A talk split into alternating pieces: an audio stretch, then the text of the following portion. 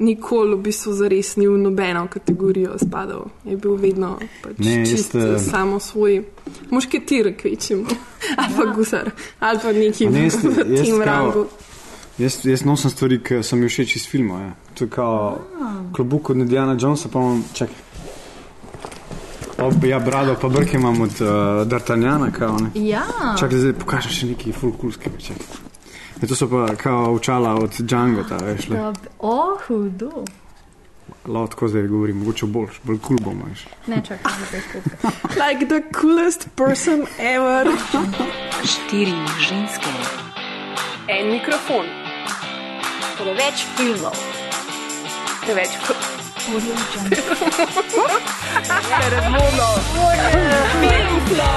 o filmu govorimo, dokler ne teče kri. Pozdravljeni v novem Filmflowu, podkastu, ki skrbi za vse vaše filmske potrebe. Danes sva z vami Maja P. in Hi. Ana. Um, vse naše prejšnje epizode najdete kje, Maja? Eh, Na uh, www.apparatus.si slash filmflow, pa na filmflow.si, če pa niste zihar, nas pa še malo na socialu pofollowajte, na Twitterju, na Facebooku in na Instagramu. Tok za zdaj. Jej. In ko smo že pri uh, prejšnjih epizodah, zadnjič smo se pogovarjali o filmu Škrlatni vrh, uh, ki ga med drugim odlikujejo čisto nori kostumi. Um, v bistvu Guillermo del Toro je v enem intervjuju dejal, da je uh, hotel, da cel film na nek način izgleda, kot da je ročno narejen, predvsem tudi za kostume. Um, je želel, da ljudje začutijo, ko gledajo ta film, da je nekdo res garal, ko jih je šival. Tako smo seveda prišli nekako na idejo, da bi v naš Slofilm Flow uh, spregovorili o kostumografiji. In ker mi pač uh, ne vemo prav veliko o tem, smo v oddajo povabili mladega kostumografa Andreja Vrhovnika, ki nam bo mogoče kaj več lahko povedal o tem. Živa Andrej. Živijo. Če mislim, da smo se kar nekaj časa dogovarjali za tole, da se dobimo danes, ker si bil blazno zaposlen. In um, sicer nisi delal na filmu Guillermo del Tora, ampak si najbrž tudi kar garal zadnje dva dni. Ka, kaj si delal, povej nam. Jaz zdaj imam dve gledališki premjeri, pač ena je v drami, ena pa v MGL. Samorastniki pa inventura. Pač. In uh, za, za obe ti predstavi si v bistvu ti kostumograf, Ja, kot glavni kostumograf. ja, ja k- glavni, glavni. Kaj to pomeni v bistvu, um, da sam, ne vem, pač dobiš to predstavo, si pa pol sam zamišljaš kostume, um, ne vem, jih potem sam narišeš, zašiješ, kakšen je v bistvu proces tega dela na, Ja. na sami predstavi. Pač režiser te pokliče, ti, ti uh, pove, kje je predstavo, prebereš si tekst, se pol uh, večkrat tudi dobiš z njim, scenografom, mogoče dramaturgom. Uh, in pol se od, odločimo skupaj, v kakšni smeri bomo pač naredili predstavo. In uh, se pol ja, nariše, nariše skice, no najprej se tudi verjetno raziskava naredi. Uh, mogoče ti zgaja obdobja, ali pa mogoče ne vem, uh, tudi če je danes, ne pač uh, se moraš mogoče malo pozanimati, uh, kako boš pač oblekel te like. In to nekaj časa traja, pa pa se začne predstava delati. Ti pol tudi ali rabiš kupiti blago, pa se zašijo stvari, ali pa pač izbiraš po trgovinah. Ne. Mogoče se tudi da iti v fundus, pač, uh, kjer imajo te kostume uh, iz prejšnjih predstav, tudi kakšni bošjaki, pa doma, kar imaš, ne, se da sestaviti tudi kaj.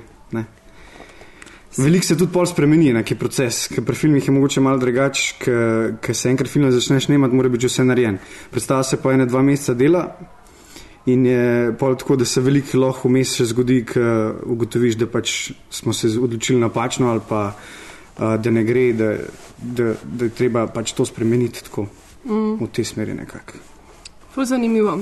V bistvu me mogoče za, za začetek um, zanima, um, mi dva se poznava že nekaj časa, um, pa pri tebi je bilo vedno zanimivo, vsi smo hoteli ta, tako v pusta s tabo, ker si imel vedno najbolj zanimive kostume. Pa tudi vedno si imel florat zgodovinske filme, kjer so v bistvu mogoče kostumi najbolj izstopajo. Um, pa mislim, v bistvu me zanima, odkje sploh ta ljubezen do kostumografije, kako si, ne vem, sploh, pač, kdaj ti je to začelo zanimati, um, ali je kakšen razlog, da si se znašel v tem, ali ni, ali je bilo čist na ključe, tako v bistvu, ne vem, če, če imaš kakšno zgodbo tukaj v zadnji.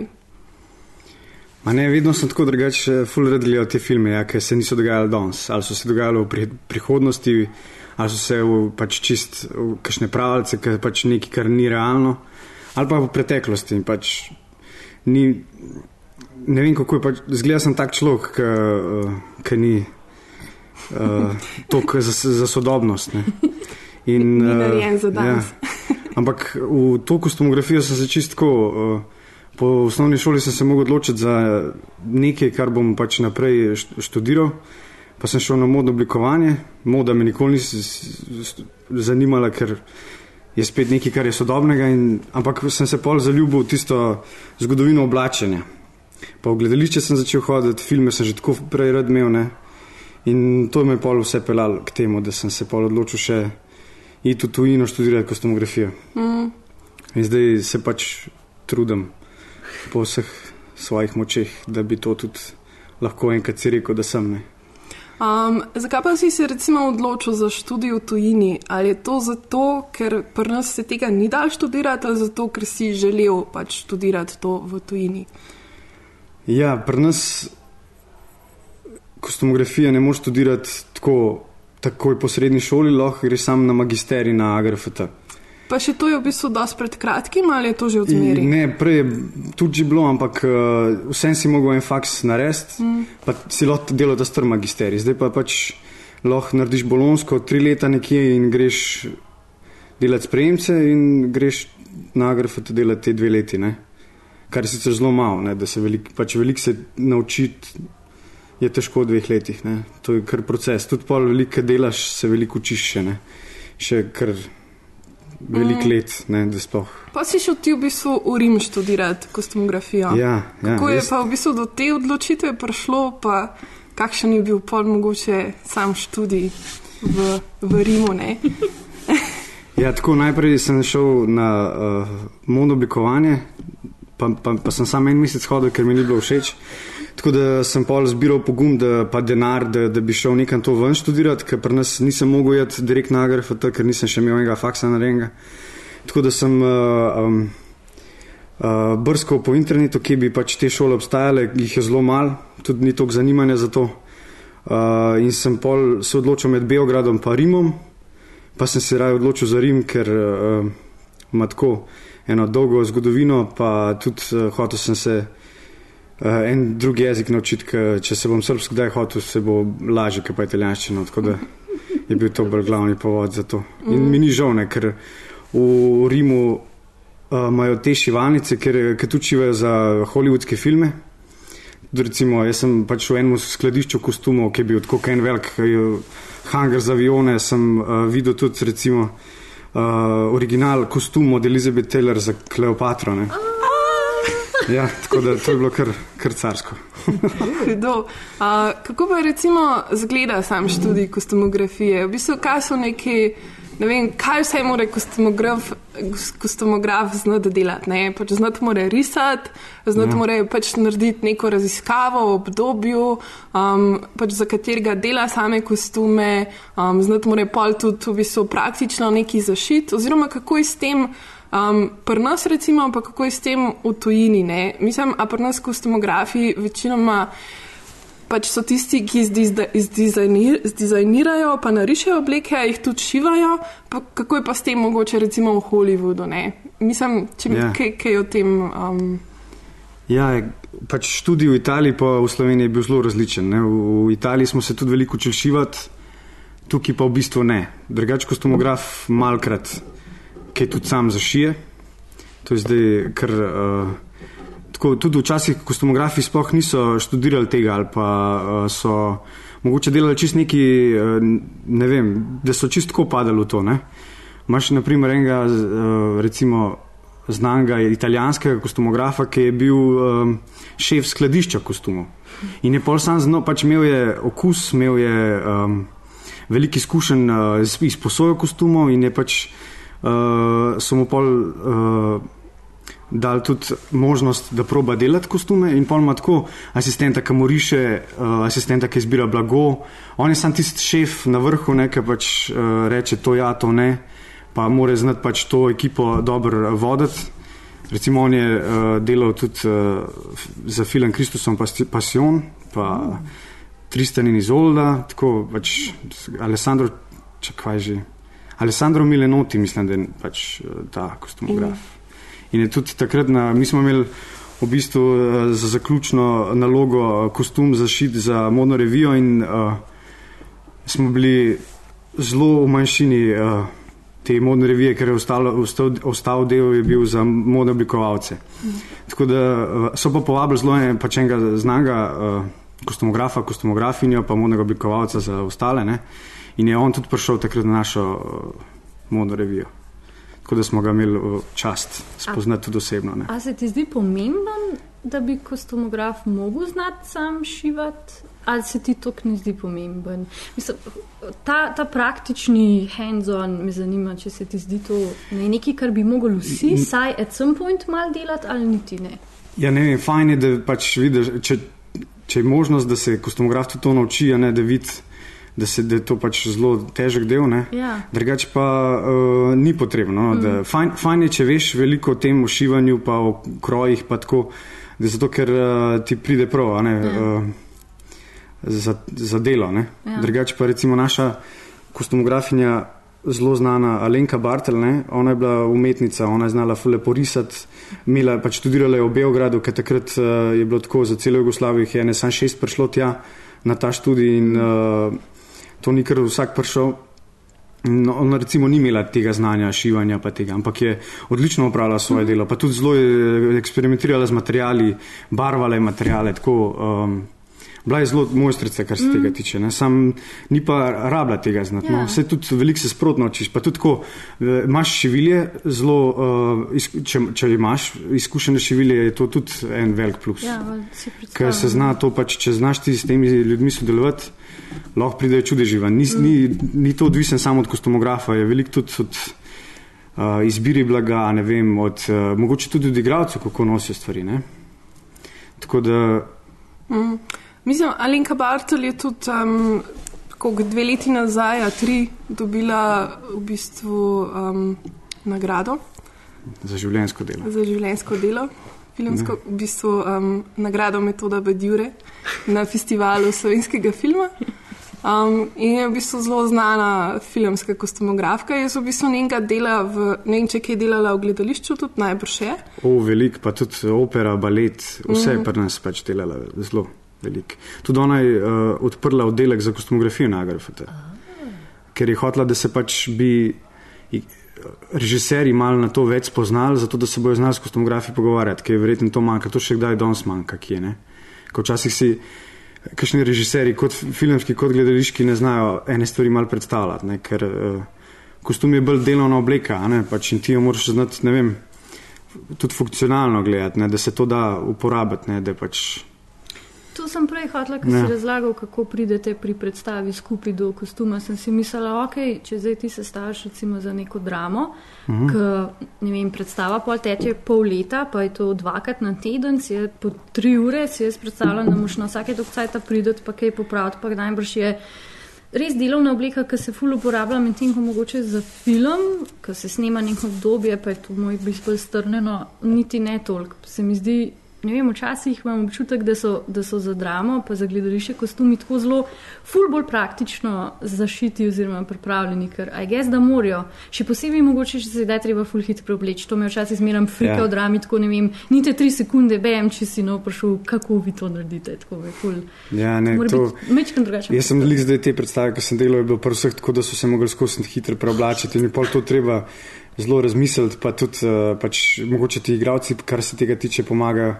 Ker za filme, ne, pa lahko včasih tudi sem slišal, že, tudi, da so imeli tako prevelike hlače, pa so jih sam sknofljali. Ne, pa, uh, taki triki, pri filmu se da veliko stvari zgolfati.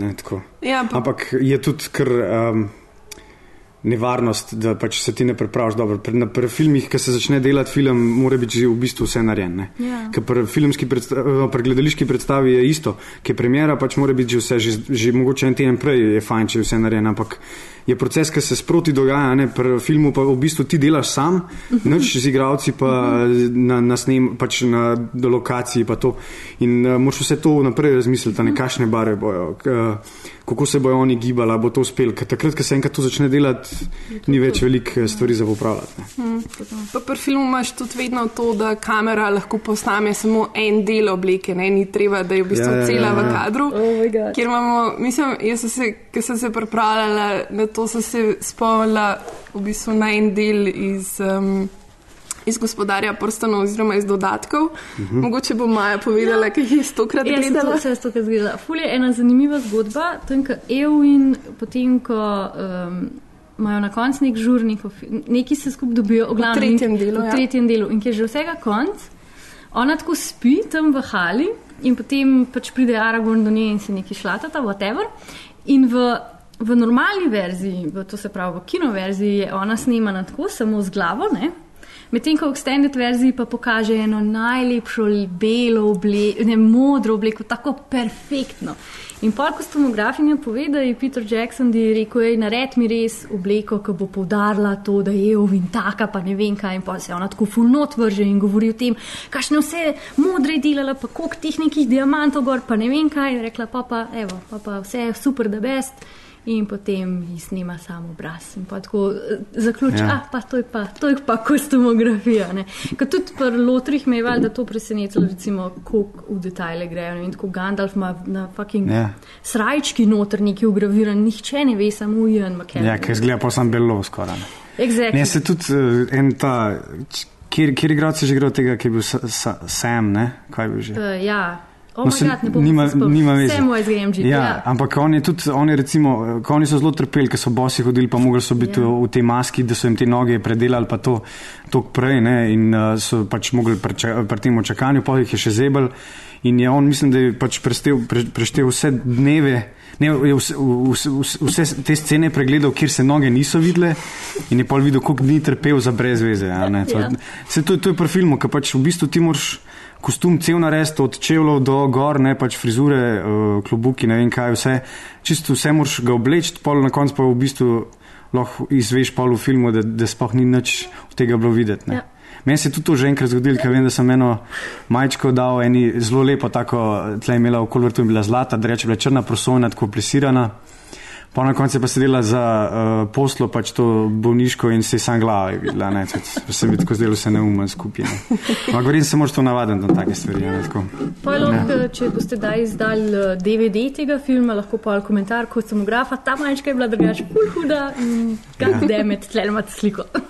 Um, pa v bistvu pri nas kostumografi delajo na vseh mogočih različnih področjih. Ne? Tako kot si prej rekel za Lenko Bartel, opera, gledališče, film.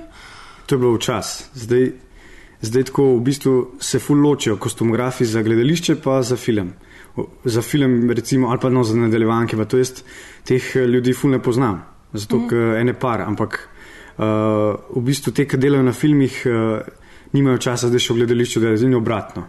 Uh, kdaj se zgodi, da kakšen, ki dela za gledališče, dela tudi za film?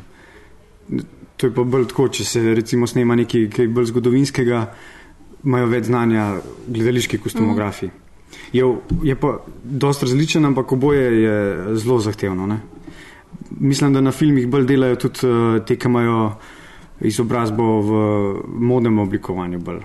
Tako so iz teh uh, Ja. vod. Ne? V Sloveniji nimamo zelo veliko zgodovinskih Ja, filmov. ja. Tudi, ko včasih se kakšne nadaljevanke tako snema, da, da si kar sposojajo v kakšnih trgovinah in oni to vrnejo pa tja nazaj. Tako da imajo še kakšne listke gor, pa tako, zato ker ni veliko denarja in pol moraš ti še vse narediti, da dobro zgleda. In je doskrat praksa, da se te stvari ali pol v čistilnico da pa vrne in pol to nekdo more kupiti, ne?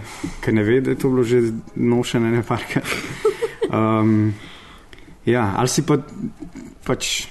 Tudi, tudi smo delali te študentske filme, ki moraš iti kar do igralcev domov, pa izbereš kaj iz njihovega tako. ampak ti pa na nek način zdaj ti še študiraš, ne? Si na magisteriju, si že zaključil? Ne, konc, konc. Si že zaključil. Ja. Um, ampak Kratek aplaus. um, si pa, ko si študiral, mislim, zdaj večinoma delaš v gledališču. Ja.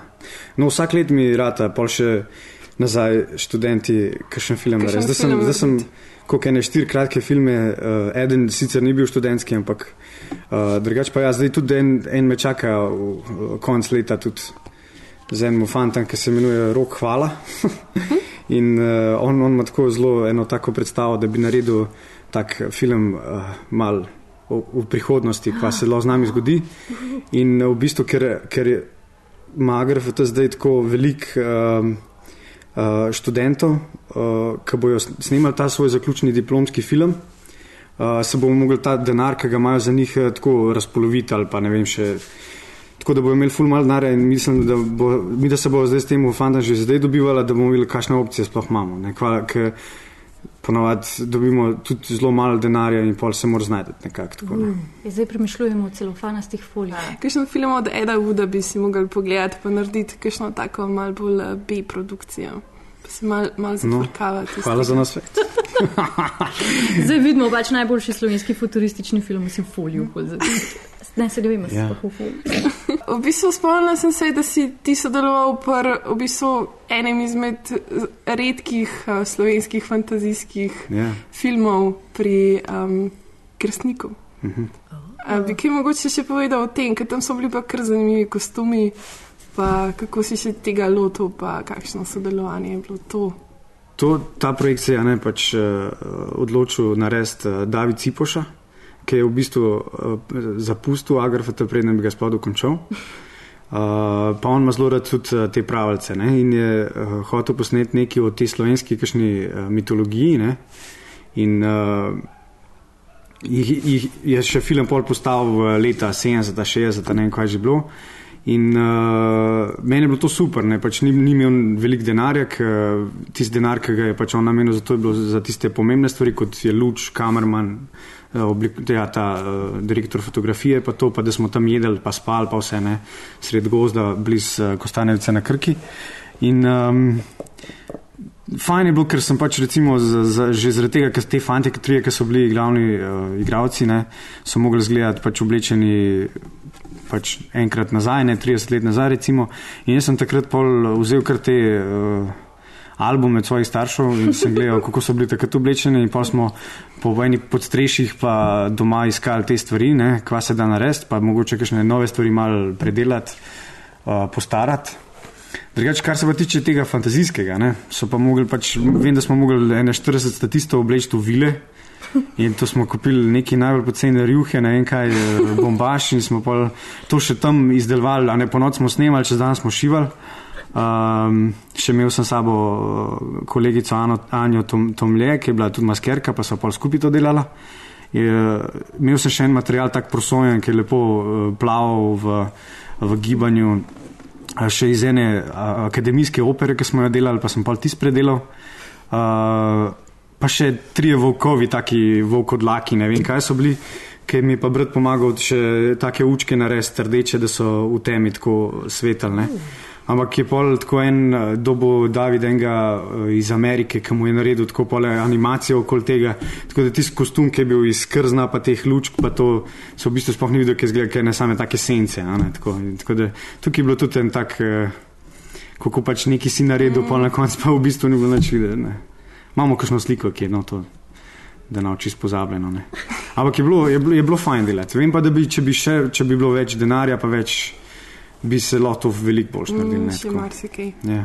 Ne, v bistvu me zanima, tako, kakšen je, kjer je bil mogoče tvoj um, največji kostumografski izziv do zdaj, pa zakaj? V filmu. Ali pa v gledališču, vse je. Mene zdaj, če smo že bolj za filme. tako. Um, delal sem film, kjer bi mogli biti uh, policaji, recimo, ne, te, um, ko so te stavke, pa to pridejo te uh, v robote oblečeni policaji. Ne, in uh, vedeli smo, da ne bomo tega dobili, zato ker uh, policija ima tako.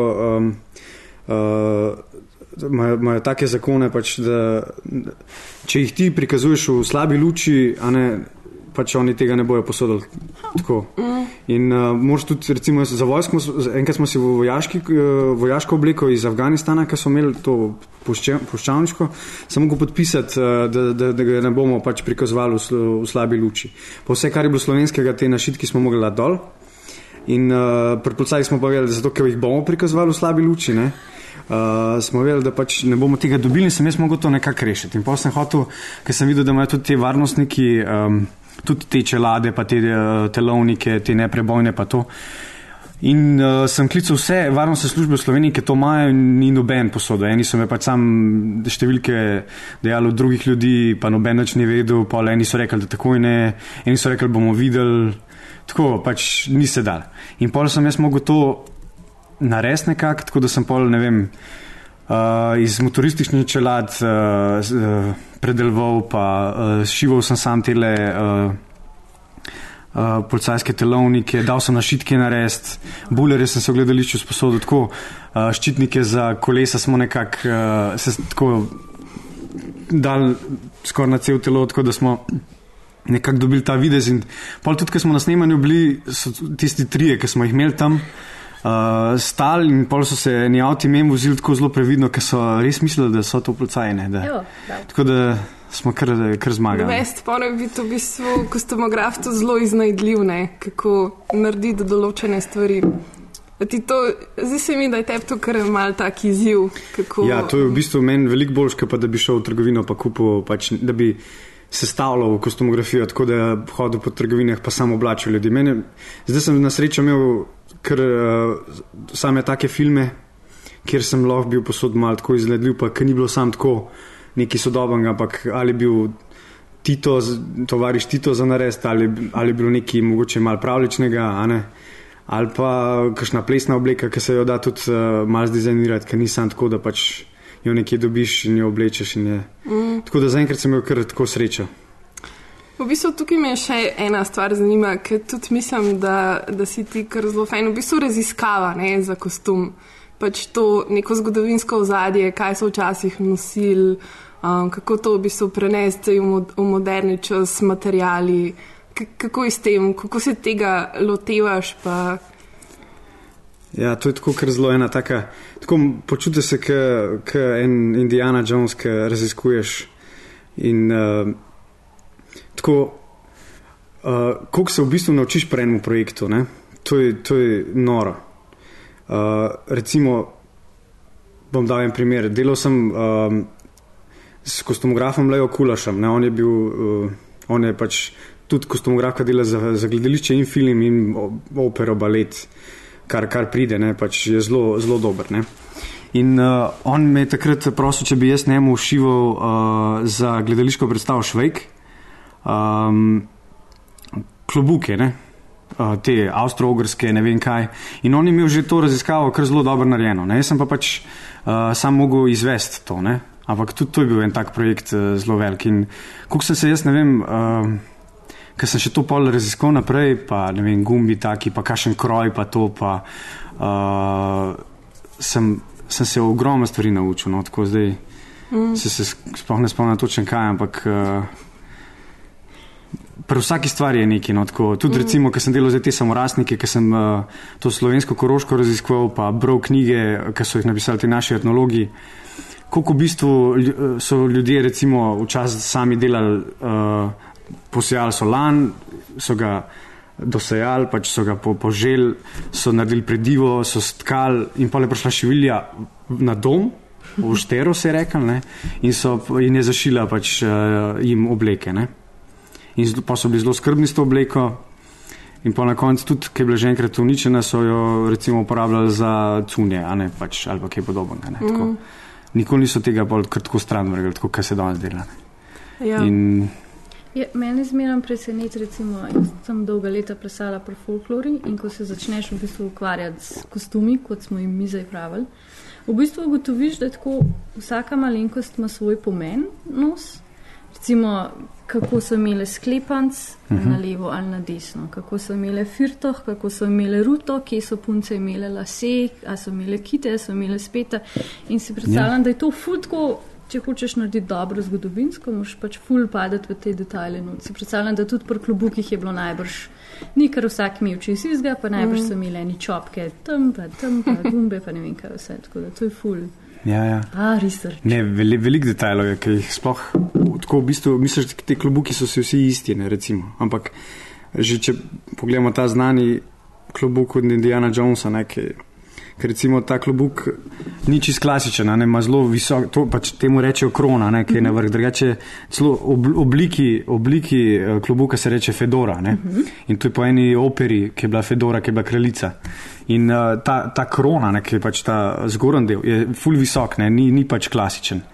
In pol recimo se verjetno to noben ne opazim, ampak uh, ta odolbina, ki mora biti na vrhu, je pa čist drugačna, kot v njih nižjih klubukih. Ne? Pa tudi recimo, da je ta zavihek spredi na dol obrnen, da ni na gor, recimo. To so, to so eni taki detajli, ali pa ta uh, trak, kako je debel, pa kako je končane. To, to, to, to so taki detajli, ki v bistvu človek sploh uh, jih ne vidi ali pa ne pomisli, da, da so ne. Ampak, ker se enkrat začne s tem ukvarjati, ali pa recimo material klobuka tudi, mm. lahko je to ovčja volna, lahko je pa zajčja volna ne, in mm. to je spet razlika. Ne. Tako da je pa v bistvu ta klobuk bil ne, od Indiana Jonesa bolj spet ena taka varka, ne, ki uh, rabili so ga v bistvu zato, da so lažje skrili uh, te kaskaderje, ki so jih odele snemali. Ja. To sploh noben ne ve, ne recimo. To, to so te, te zanimive ja. skrivnosti um, filmske industrije. Kaj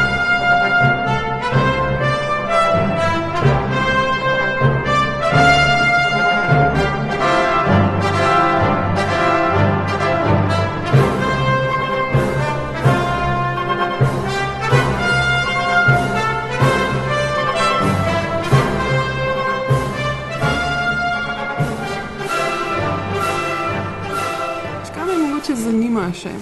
Um, Obstaja kakšno tako zgodovinsko obdobje, ki ti predvsej ljubo glede samih oblek, pa ne vem, ki je imelo kakšno tako zelo zanimivo oblačilno modo. Aha. Ma, ne, težko se bi odločil za kaž, sam enega. ne. Drugače,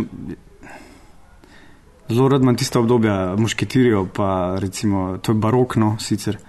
Pa prej, eh, še, še mal pred njim, ker je bilo tako malo sorodno, ker se recimo to uh, povezuje, je bil še ta uh, renesančni zaključni del, ker je bil še Shakespeare. Pa tako, ne.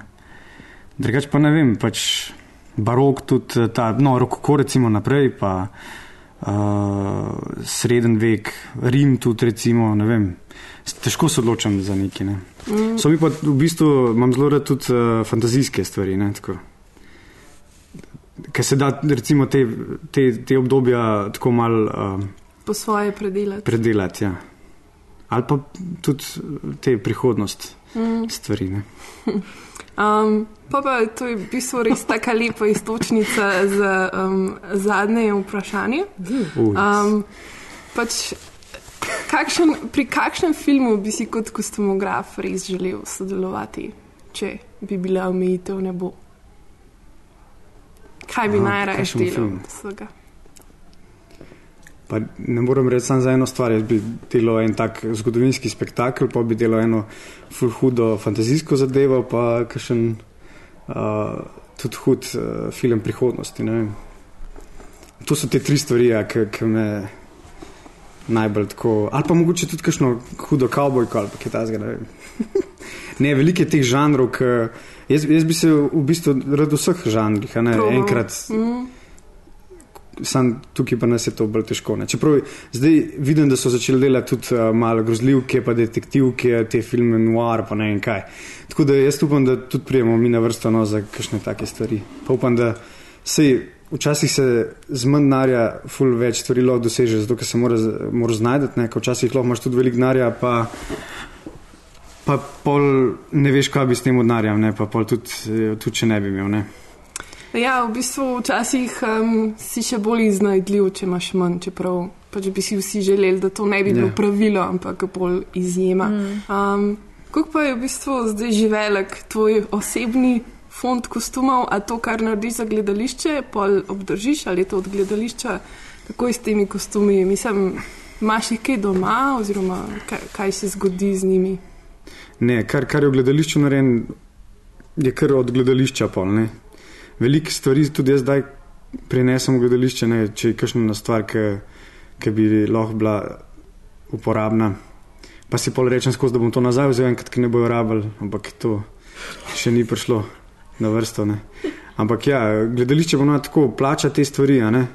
In tudi, kakšni imajo svoje šivilje, tako da pol to se zašije in to oni dajo pol v ta svoje skladišče. Mm. Veliko si sposoben tudi um, za kakšne stvari, ki jih sam tako. Za film je fajn, ker se lahko sposodiš, pa vrneš, ne, ne rabiš to za daljše obdobje.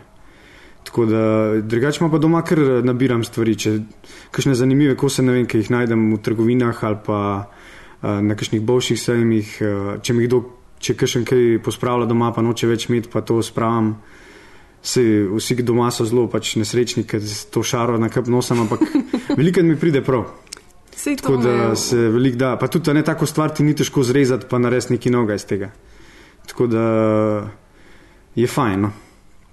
Upam, da, da bom še kakšne fajn stvari najdel, pa jih lahko spravil v ta svoj skladišče, ki ga pa moram tudi urediti, da, da bom imel mal bolj. Eh, pregledno, ker zdaj imam se tako po, po škatlah, pa ful teh siv, kako da pač uh, moli ne pridejo zraven. Se spomnim, ko smo, ko smo prišli do tebe, da si nam naredil za polje v Angliji, smo potem tudi ful fajn iskali sukniče in meče in ne eh, mušketirske stvari. Je bilo kratko, bilo bi tam kratko dve ure, malo bil, pa sem malo yeah. Ja. prihajal, pa se oblačil. Kar, kar naj se bilo. Ja, tako je. Andrej nam je posodil uh, kostume za našo um, reinvencijo uh, polja v Angliji.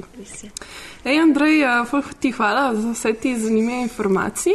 Upam, da so tudi gledalci, ki je mnogo zvedeli. Jaz mislim, da je bilo fuz zanimivo, tako da res hvala. Ja, um, hvala vam. Zdaj bi pa še Majo prosila za ja. zaključni social media plugin.